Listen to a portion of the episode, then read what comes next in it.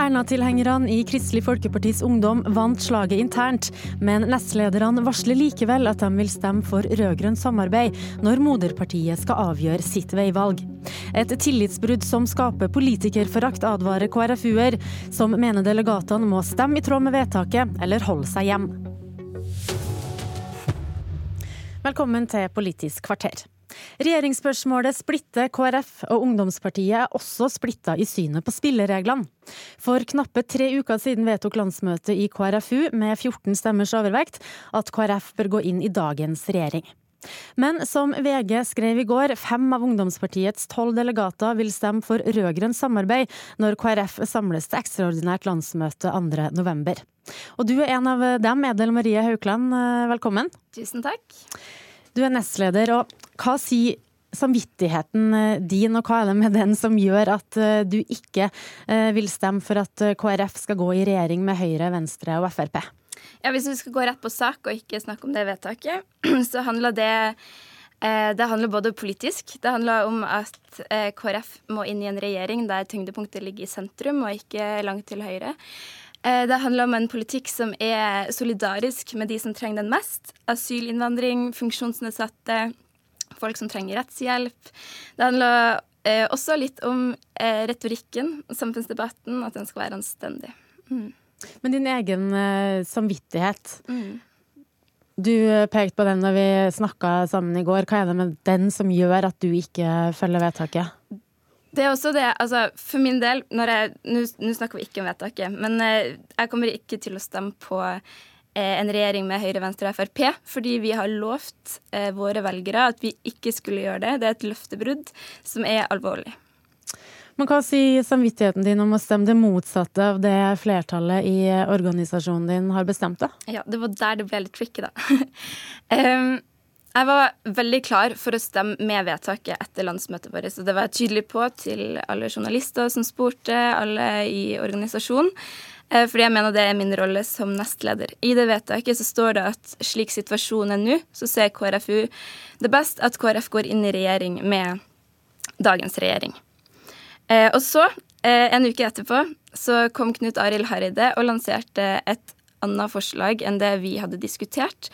Med et, en regjering med KrF som går til venstre, venstresida. Og da mener jeg at situasjonen er annerledes. Jeg tror de aller, aller fleste vil si at det finnes et før og et etter den talen til Knut Arild. Fordi den åpna opp for en, et annet regjeringsalternativ.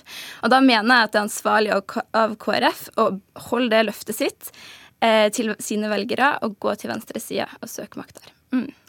Kristine Bangren Gripsgaard, du er med fra Bergen og var blant dem som jubla da KrFU vedtok at KrF bør inn i dagens regjering.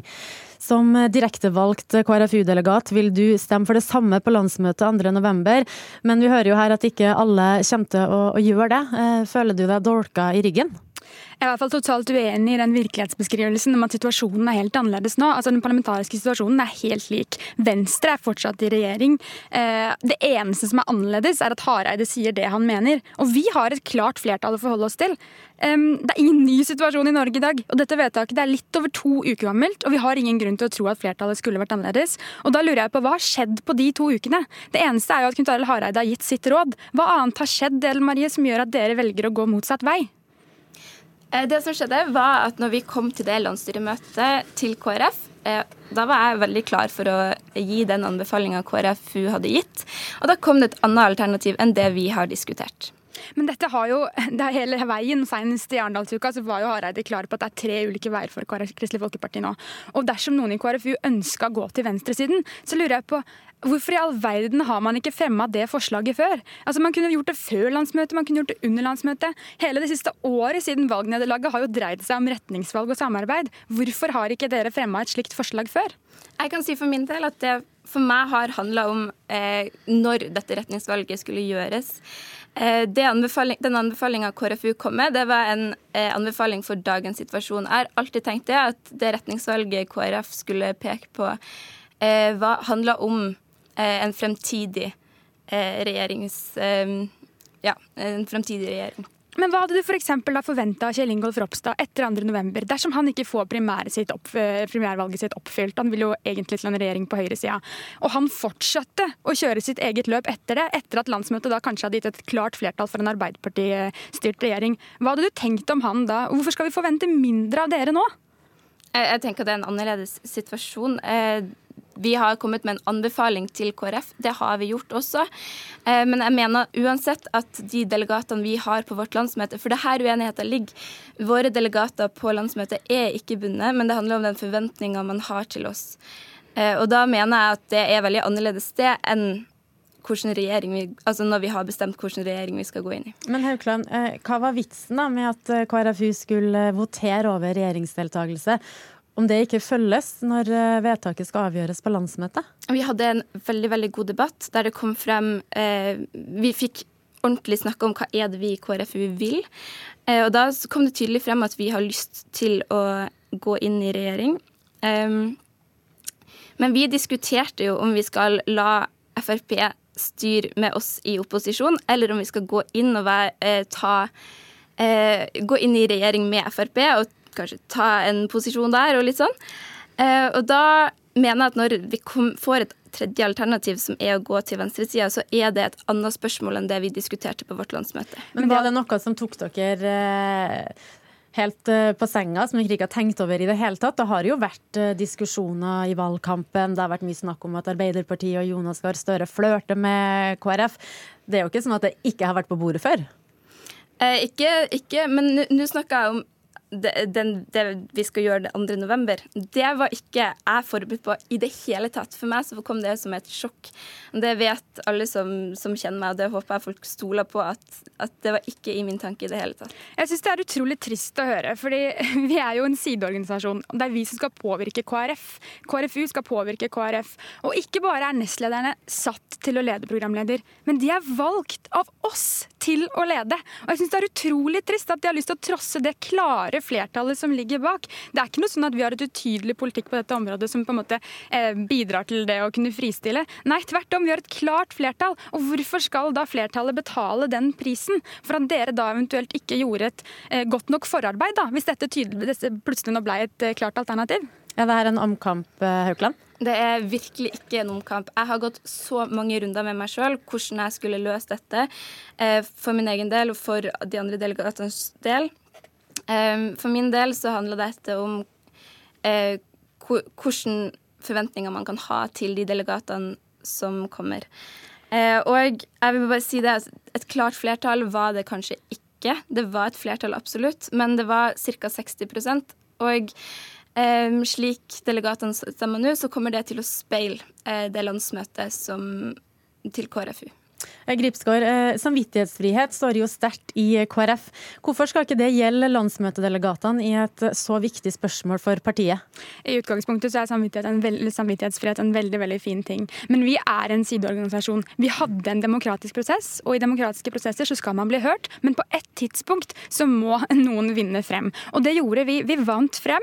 Og jeg syns det er utrolig trist, for hvilket signal sender det til de fylkesdelegatene som jobba og jobba og jobba på på grasrutnivå, som dreiv med politisk håndverk. Og så til syvende og sist, så nei, nestlederen kjører et helt eget løp. Jeg syns det er utrolig trist, og jeg eh, syns det går på tilliten løs. Og la oss nå følge det at ja, det, la oss si det at jeg følger resonnementet hennes. Det er en ekstraordinær situasjon, noe jeg mener det da ikke er. Da må man jo i alle fall kunne forvente at i disse tider så skal vi følge demokratiske spilleregler, at det gjør seg viktig, at det blir viktigere enn noen gang.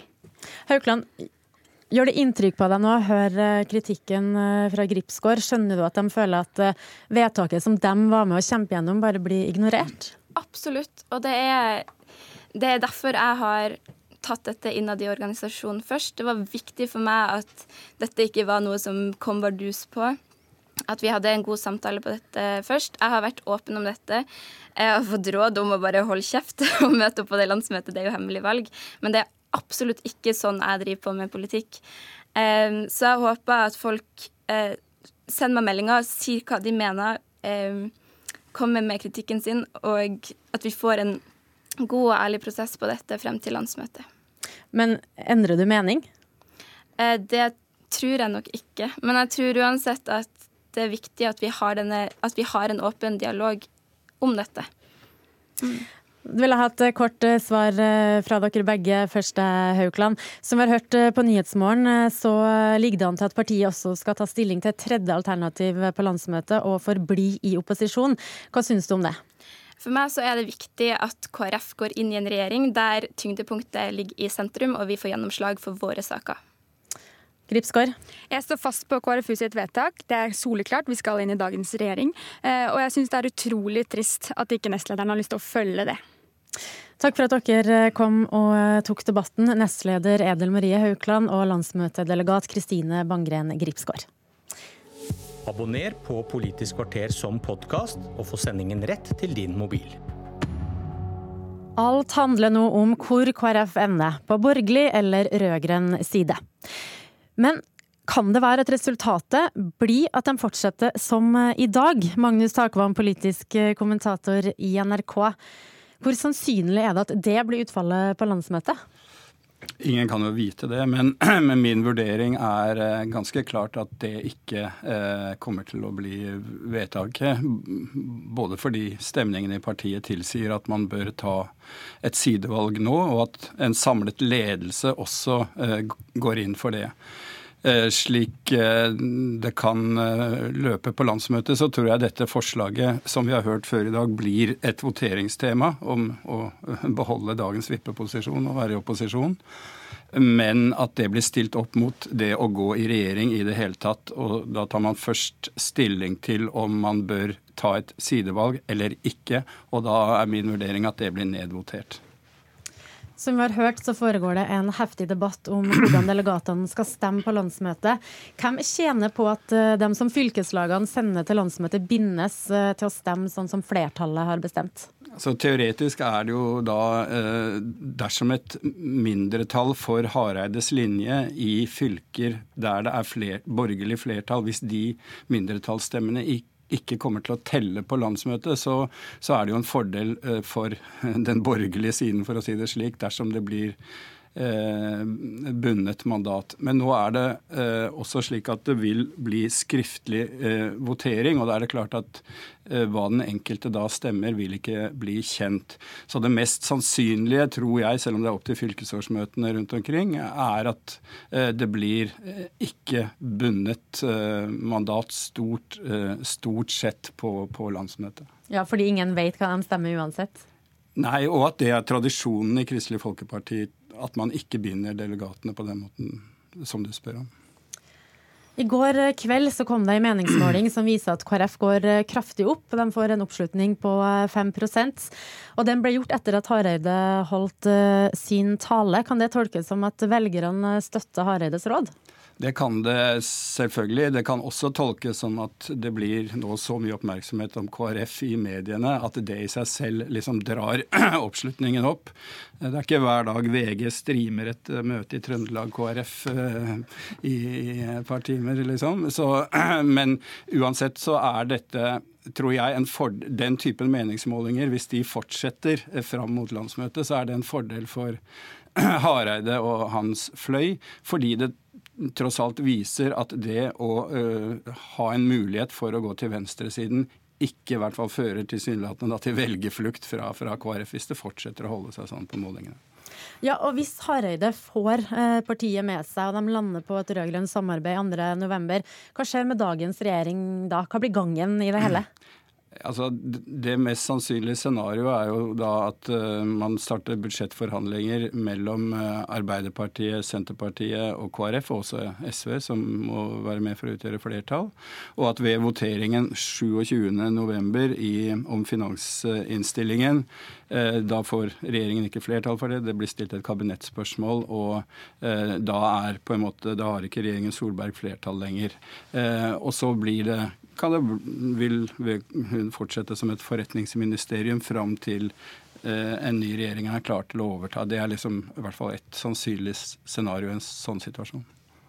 Det er mye som er uvisst eh, i denne saken. Magnus eh, Takvam, takk for at du var med og hjalp oss å forstå litt mer om hva som skjer og kan skje i norsk politikk som følge av KrFs veivalg. Om litt så fortsetter Nyhetsmorgen. Det blir en nyhetsoppdatering eh, klokka åtte.